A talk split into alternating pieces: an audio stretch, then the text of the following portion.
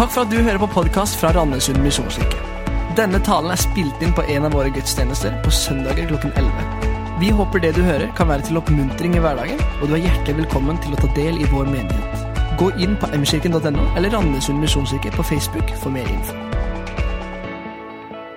Først har jeg lyst til å takke for muligheten til å kunne komme og dele av opplevelser og av tanker med dere. Jeg ringte Jarle for noen måneder siden, kanskje. Mm. Eller vi snakka sammen. Så sa jeg at jeg kom, og at jeg gjerne kunne, kunne brukes. Eh, og Jarle da legger om hele, hele programmet for, for, høsten. egentlig. Det var ikke noen planer, planer å ha noen misjonsbolk, tror jeg. da. Så Jarle la om hele greiene, egentlig fordi jeg sa at jeg kom. Så det var veldig, veldig raust mot meg. tenker jeg.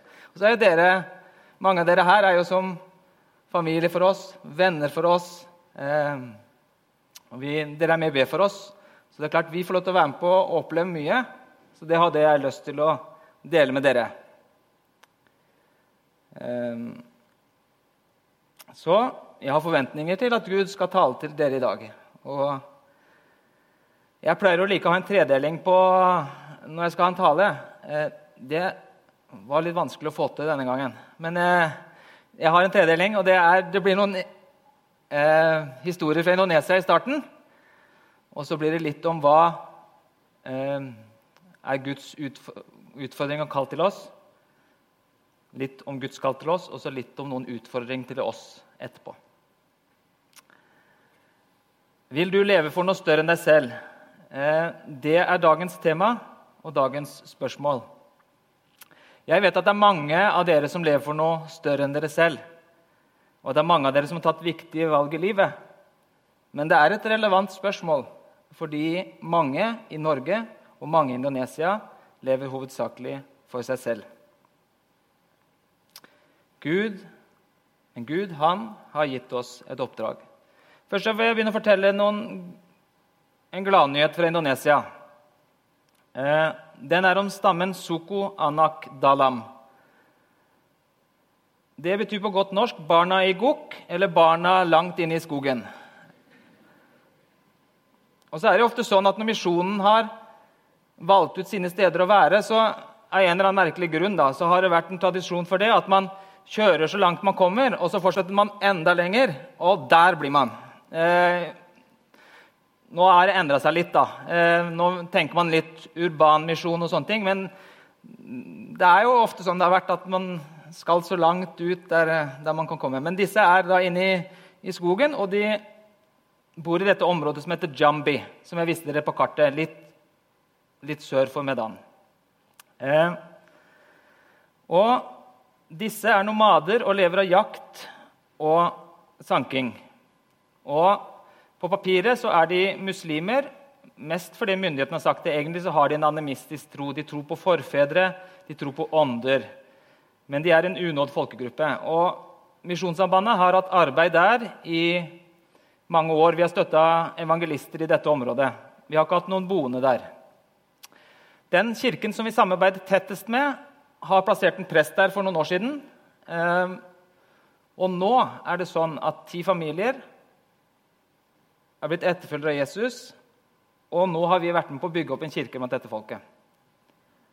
Vi tenkte i starten at nei, vi kan ikke gi de, de er nomader, de flytter rundt. Vi kan ikke gi dem en kirke. Eh, vi tenkte at det, vi må jo samle inn til et telt som de kan ta med seg rundt.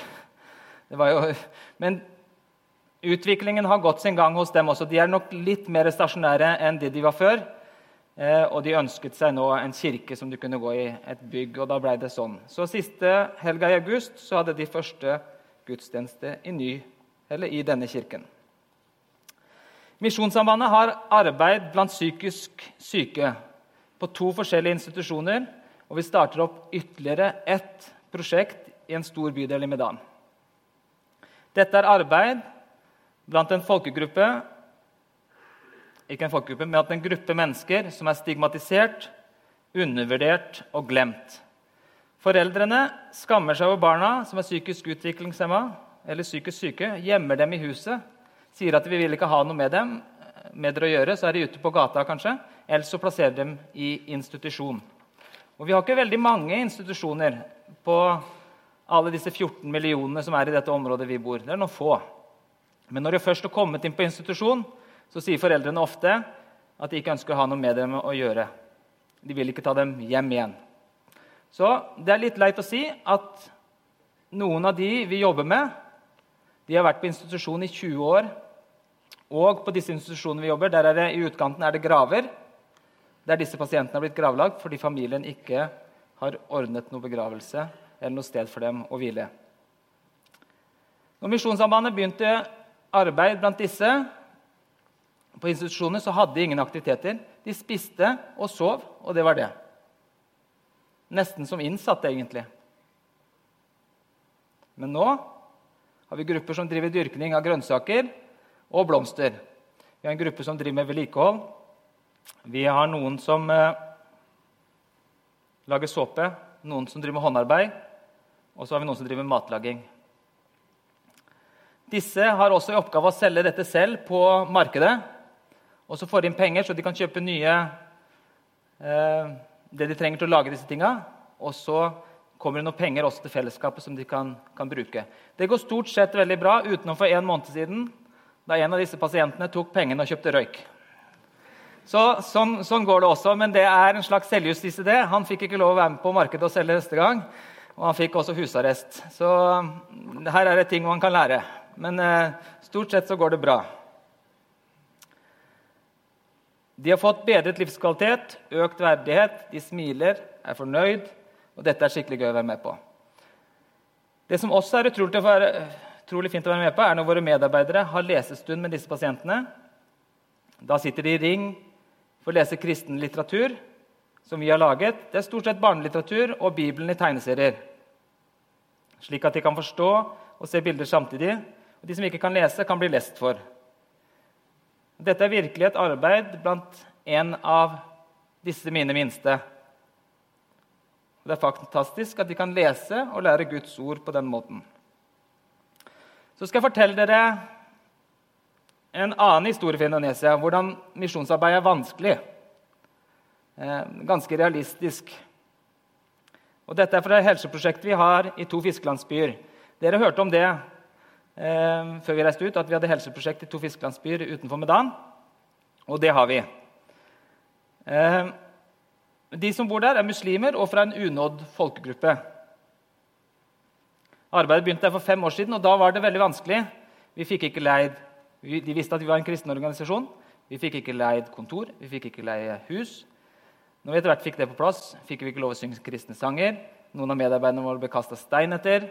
En samarbeidende organisasjon fikk nedbrent eh, kontoret sitt. Så det var noe av situasjonen når det hele begynte. Derfor følte vi nok at vi måtte være veldig forsiktige og så jobbe for å få tillit.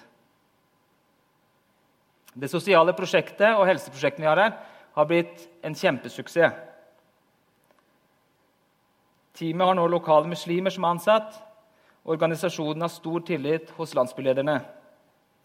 Vi får være med og bidra på deres landsbyfester. Og da vi brøyt fasten sammen med muslimene i mai, så deltok vi med vårt dukketeater. Teamet vårt har helsearbeid, vaksinasjon, helseopplysning sammen med helsestasjon og jordmødrene deres.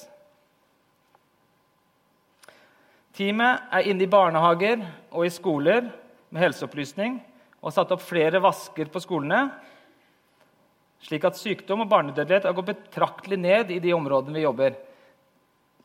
Egentlig med enkle tiltak, men en av de er at vi har satt opp vasker, flere vasker på skolene. Og vi har sagt at etter vi har vært på toalettet, så vasker vi oss på hendene. Og før vi spiser, vasker vi oss på hendene.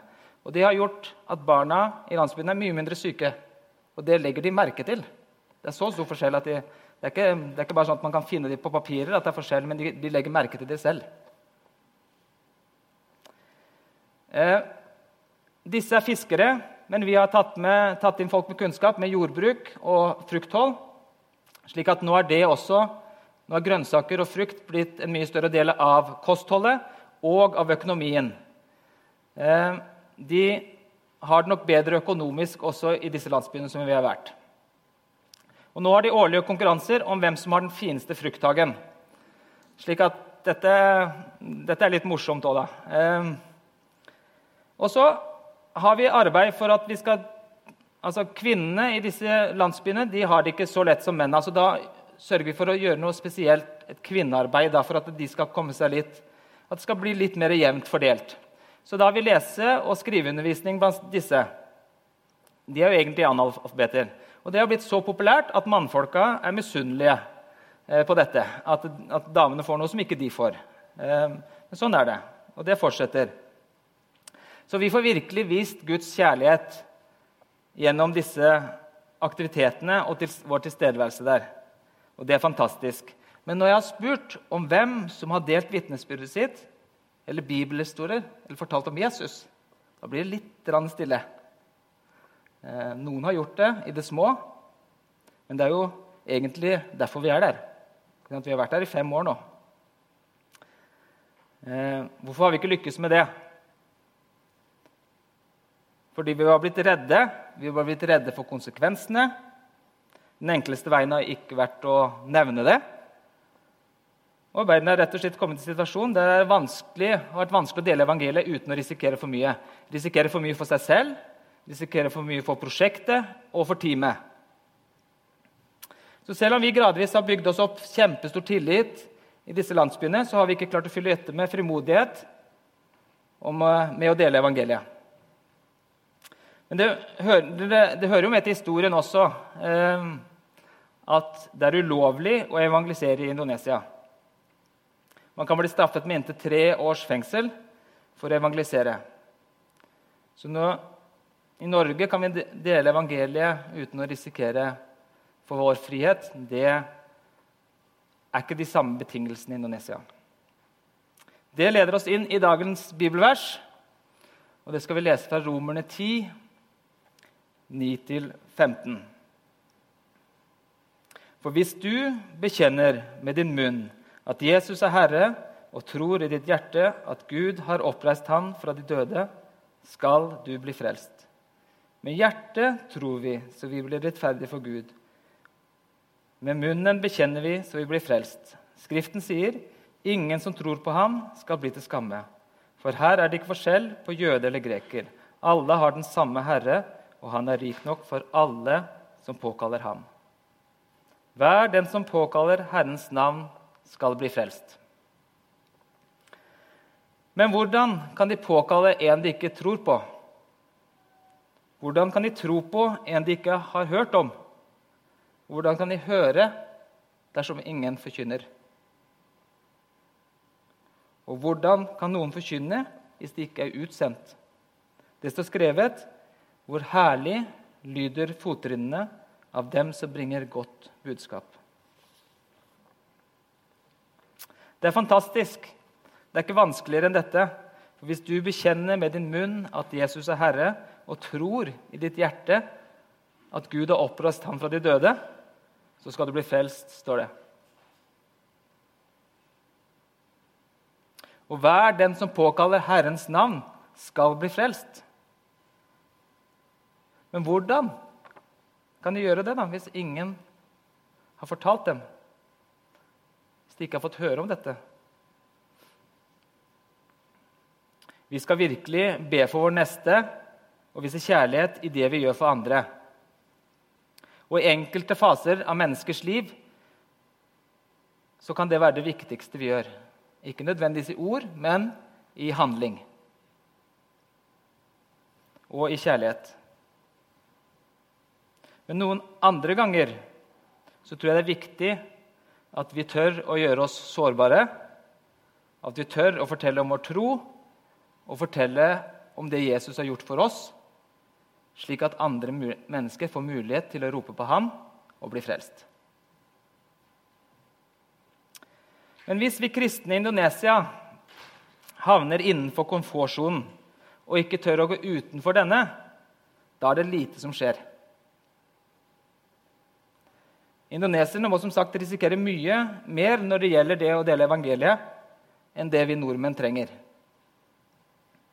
Det er jeg som har sagt det. Nothing great ever happens in your comfort zone.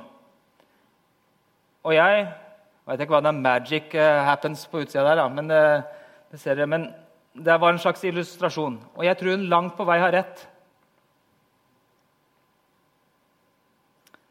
Nothing great ever happens in your comfort zone. Det gjelder også for oss som bor i Norge, og det gjelder for indoneserne. Er vi redd for hva andre tenker og sier om oss, holder oss innenfor hva som er komfortabelt, da er det lite som skjer. Men så må vi ikke glemme at vi har en Gud som er også større enn det. Og han kan gjøre ting i vår hverdag. Han kan gjøre ting ganske uavhengig av oss, egentlig. Jeg skal si litt om det senere også. Men dette er bare én del av det. Jeg mener at vi må tørre å ofre mer enn det som er komfortabelt i Norge og i Indonesia. Vi må tørre å stå i dette. Vi må stå sammen. Vi må ta utfordringen. Og så tenker jeg det, at vi har litt å gå på, vi i Indonesia og dere i Norge. Det er krevende å gå utenfor komfortsonen og utfordre seg selv. Jeg føler jo at det året vi har vært i Indonesia, så har vi egentlig vært der hele tiden. Utenfor komfortsonen. Det handler ikke bare om det å fortelle om, om, evangeliet, men det handler om at man skal lære seg et nytt språk, bl.a. Mm. Hver dag ut og praktisere. Jeg tror ikke man egentlig tenker på det når man er i Norge. Jeg tenkte i hvert fall ikke så veldig mye på det. At når man flytter ut til et annet land og skal lære seg et språk, så blir man jo omtrent som et barn igjen. Altså Man, man uttrykker seg på, veldig enk, på enkle måter. Eh, folk kan jo ikke engelsk, så det er vanskeligheter for å forklare det. Eh, det er litt ydmykende på en måte. Man kommer fra en tilværelse der man har hatt posisjoner eller andre ting, og så kommer man ned igjen, og så er man som et barn igjen. Så det har vært utfordrende. Vi kom med en del kunnskap, og så får du ikke helt klart å formidle det på en sånn måte som du ønsker. egentlig. Men etter hvert som språket har blitt bedre, og vi har kunnet ha dypere samtaler, så har jeg måttet også utfordre meg selv der òg. Samtalene kan gå på dypet fordi indoneserne er veldig opptatt av tro. Og de er veldig opptatt av Gud og opptatt av Allah. Ikke sant? Dette er de opptatt av. Og så er det min oppgave å prøve å styre denne samtalen. Prøve å utfordre meg selv på å dra det inn på noe som kan få betydning for den jeg snakker med. Så jeg prøver stadig å sette meg i posisjoner der jeg må dele. Jeg er blitt god til å kjøre taxi i Medan. Det koster egentlig ingenting. Så om jeg kjører min egen bil eller setter meg i en taxi, det, det er ikke så stor forskjell på det. Så da velger jeg å sette, Når jeg skal fra et sted til et annet, så setter jeg meg en taxi. Da har jeg en på tomannshånd i 30-40-45 minutter. Det er en av måtene. Og så går vi ut kanskje en kveld i uka, jeg og en kamerat, og så setter vi oss et sted, og så er vi der, og så er vi tilgjengelige for andre. Det er en annen mulighet.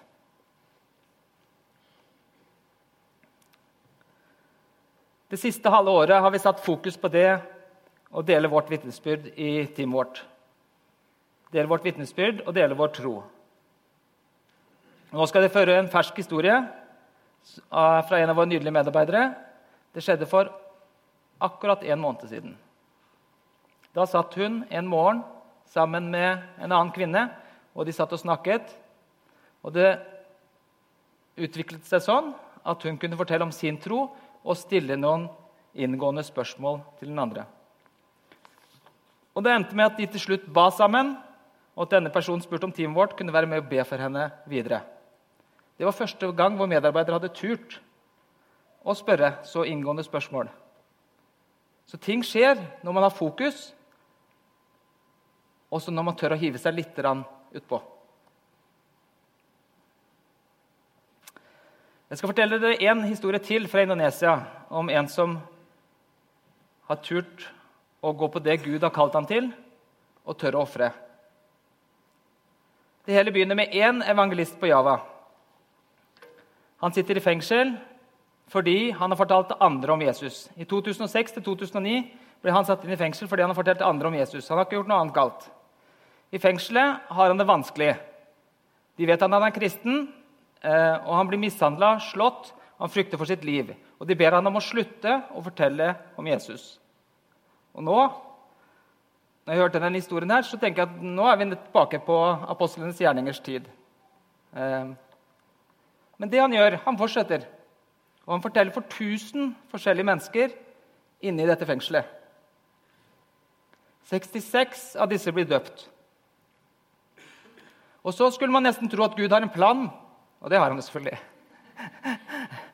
Men 37 av disse 66 de er fra samme øy. De er fra samme folkegruppe, faktisk fra folkegruppa som faren til denne evangelisten kom fra. 12 av disse 37 forbryterne altså, som har blitt kristne. Og de er, som, de er, ikke som, vanlige folk. Det sier han evangelisten. De er, ikke, de er ikke som vanlige folk. De er ganske robuste når de kommer ut fra, fra kirken også. Men de 12 av disse 37 reiser tilbake til den øya de kom fra. Der er et muslimsk folk og en unådd folkegruppe. Og Så slipper denne evangelisten ut da i 2009 fra fengselet. Han har sont sine tre år for å ha fortalt andre om Jesus. Og Så kommer han tilbake til denne øya og prøver å samle sine tolv. Men det er bare tre av de som da er aktive. Men han klarer å få satt mot i alle tolv. Og det som skjer da på de neste tre åra, bruker Jesus disse tolv og denne evangelisten på en helt fantastisk måte. Han starter det Gud starter det er jo det, gjennom disse, det vi kaller en church planting movement. Det er huskirker som bare vokser på seg. De deler seg, vokser seg. Det skjer i hjemmene, ikke veldig synlig ingen kirkebygg. På tre år så er de 3000 kristne. Og det er over 300 huskirker. Nå er de 12 000 kristne og over 1000 huskirker på denne øya. Og dette går fort. Det baller på seg. Og denne evangelisten spør da er det noen som kan komme og hjelpe oss. Vi klarer ikke å følge opp alle som har lyst til å bli kristne.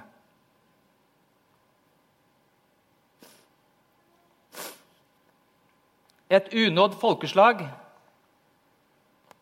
er et folkeslag der det ikke er noen kirke. Det er heller ikke nok kristne til at de kan klare å fortelle til sine egne om Jesus. De klarer ikke å forkynne til sine egne.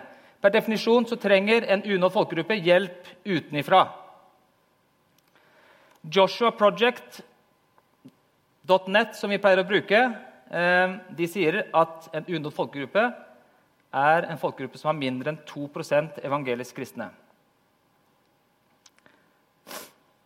Da vet dere det om hva en unådd folkegruppe er. Det har en slags definisjon, og det er unådde folkeslag. Ut ifra den definisjonen. Så er det noen som har litt forskjellige definisjoner. Matteus 24, 14 står det og evangeliet om riket skal forkynnes i hele verden til vitnesbyrd for alle folkeslag og så skal enden komme. Og I misjonsbefalingen, som dere tok grundig for dere i forrige, forrige søndag, står det Meg er gitt all makt i himmel og på jord. Gå derfor ut og gjør alle folkeslag til disipler. Det er dette som er oppdraget. Det er dette som er Guds misjon. Når det står i Matteus 24, 14, 'Gå ut Nei, det står ikke der. Og evangeliet om riket skal forkynnes i hele verden til vitnesbyrd for alle folkeslag. Når det er brukt folkeslag der, så er det brukt ordet 'etne' på grunnteksten.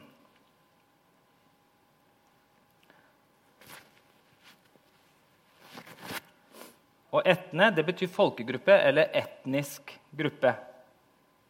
For eksempel så er Indonesia ett land, men det har 783 forskjellige folkegrupper. I verden i dag finnes det 17 000 forskjellige folkeslag. Og 7000 av de er fortsatt unådde. I Indonesia er det 126 unådde folkeslag. Og 50 av de er på Sumatra, som jeg sa i stad, der vi bor. En tredjedel av verdens befolkning har ikke fått høre evangeliet. Skal vi klare å nå disse folkegruppene som er igjen, som kanskje er de vanskeligste å nå, fordi mange av de er muslimske, så tror jeg, og det er mange andre som sier også, må faktisk hele den globale kirken gjøre jobben sammen. Vi er rett og slett for få ute blant disse folkegruppene. Flere må reise ut som misjonærer. Og flere må reise, flere misjonærer må reise til de unådde. For det er mange misjonærer ute. men Jeg har sett forskjellige tall. Men Joshua Project som vi bruker, de sier at 10% av misjonærene er blant de unådde. Andre steder har jeg sett 2-3% av misjonærene er hos de unådde. Og under en ca. en halv prosent av det den globale kirken bruker, det brukes til de unådde. En halv prosent. Så vi som kristne må være villige til å gi det det måtte koste, tenker jeg, i bønn, men også i økonomi. Og noen er kanskje kalt også til å reise. Men jeg har en idé til dere. Og det er ikke bare en idé, men det er også en utfordring.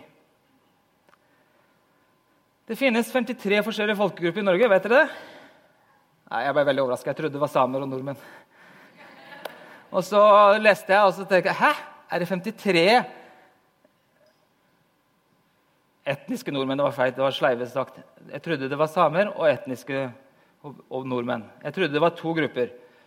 Men jeg ble veldig overraska. Over at det var 53 folkegrupper i Norge.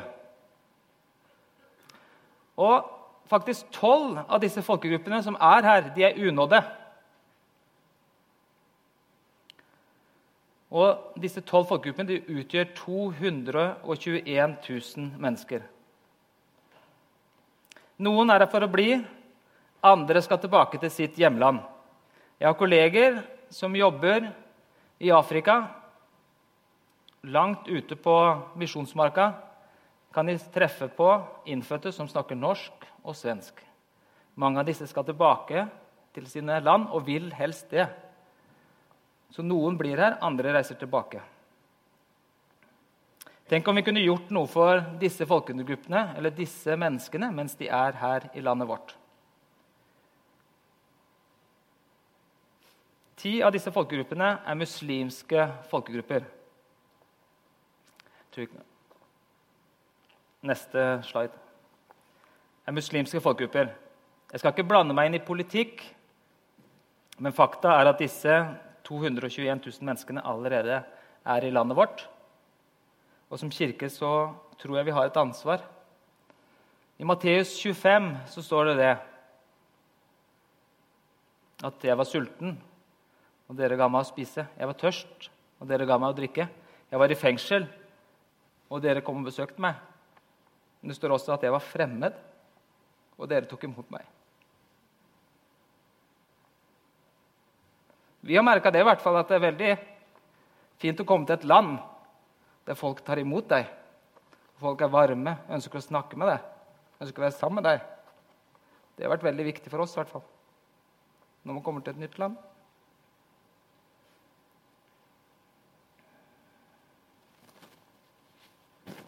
I Lukas 10 så blir Jesus spurt hva skal jeg gjøre for å få evig liv?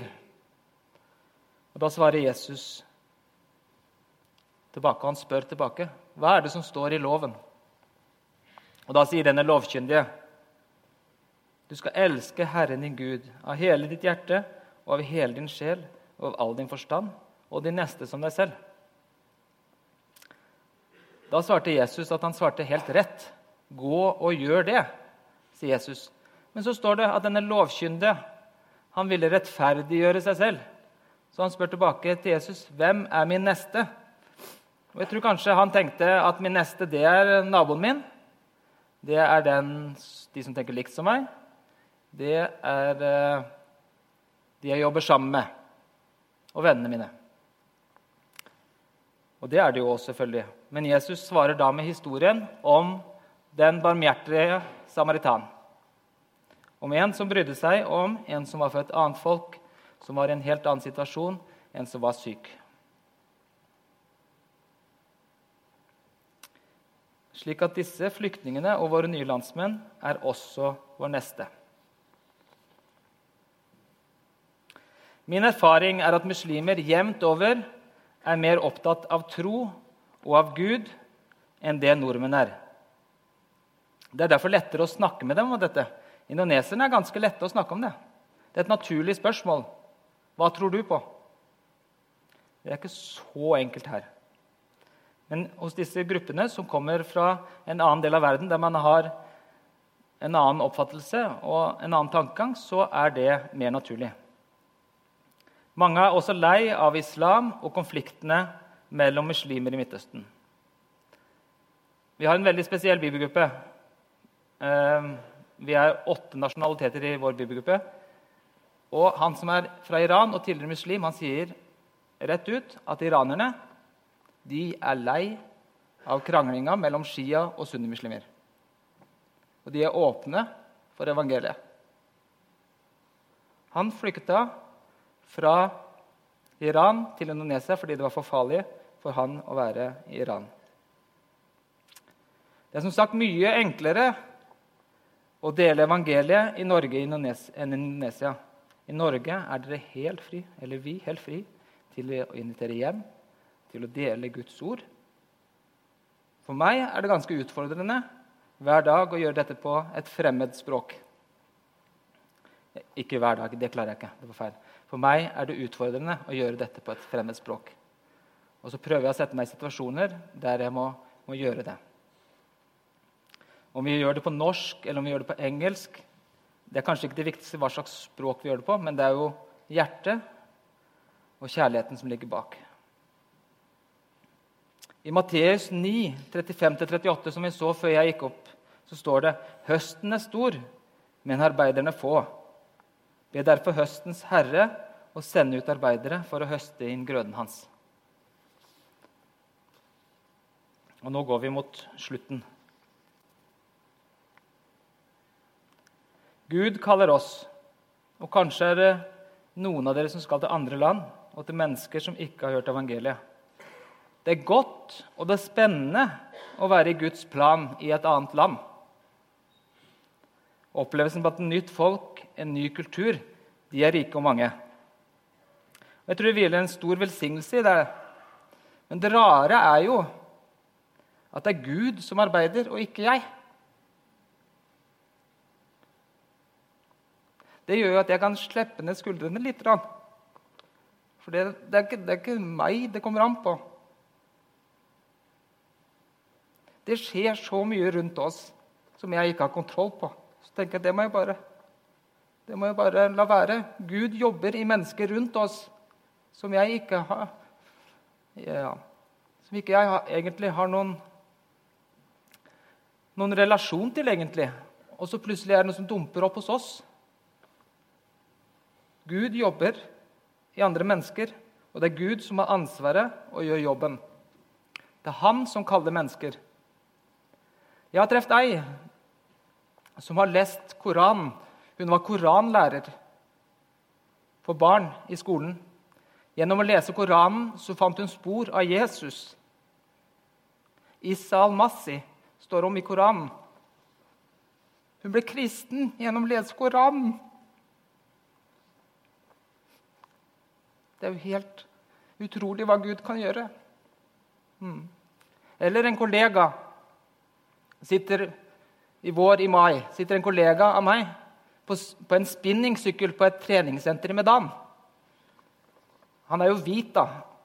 Så man vet jo ofte hvorfor vi som er hvite, er der i Medan eller i Indonesia. Så han går bare rett bort til min kollega og sier at 'jeg vil bli døpt'.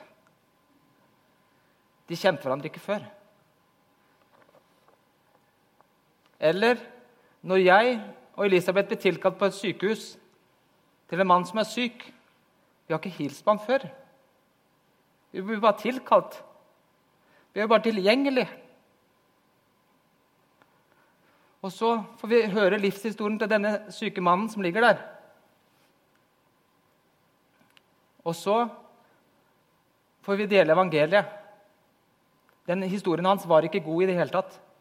Men så får vi dele evangeliet og så får jeg si at det har ikke noe hva vi har gjort, er én ting, men vi har en Gud som er mye større. Han kan frelse oss fra disse tinga. Det er nåde nok. Og så fikk vi lov å be for han er her, og så dør han en måned etterpå. Det er historie. Dette er folk som ikke jeg har hatt noe med å gjøre. Det handler ikke om meg. Det handler ikke om oss. Det handler om noe som er mye, mye større. Og en Gud som kan gjøre ting uavhengig av oss. Men det handler om at vi er villige til å kanskje være tilgjengelige og til å brukes.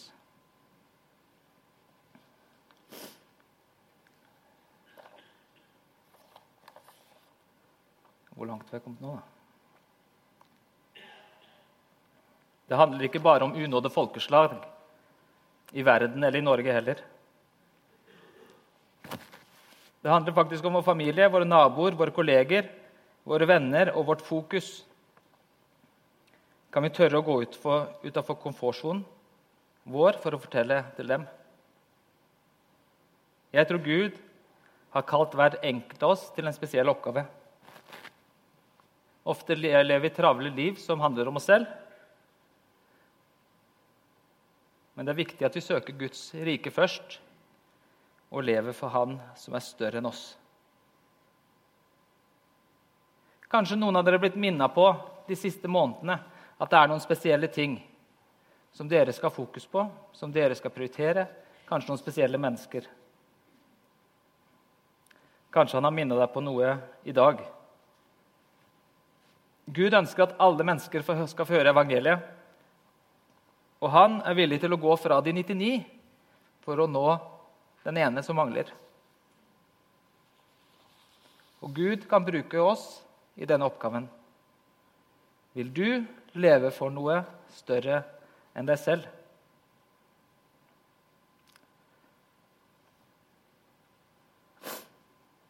Men hvordan kan de påkalle en de ikke tror på? Hvordan kan de tro på en de ikke har hørt om? Og hvordan kan de høre dersom ingen forkynner? Og hvordan kan noen forkynne hvis de ikke er utsendt? Det står skrevet hvor herlig lyder fottrinnene av dem som bringer godt budskap.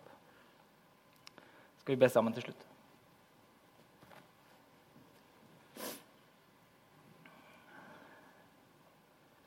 Takk, Jesus, for at du er med oss hver dag. Takk for at du, Jesus, kan bruke oss i din tjeneste. Vi ber om at du kaller oss til tro. Når du kaller oss Jesus, hjelp oss til å ha mot til å følge og vilje til å gå.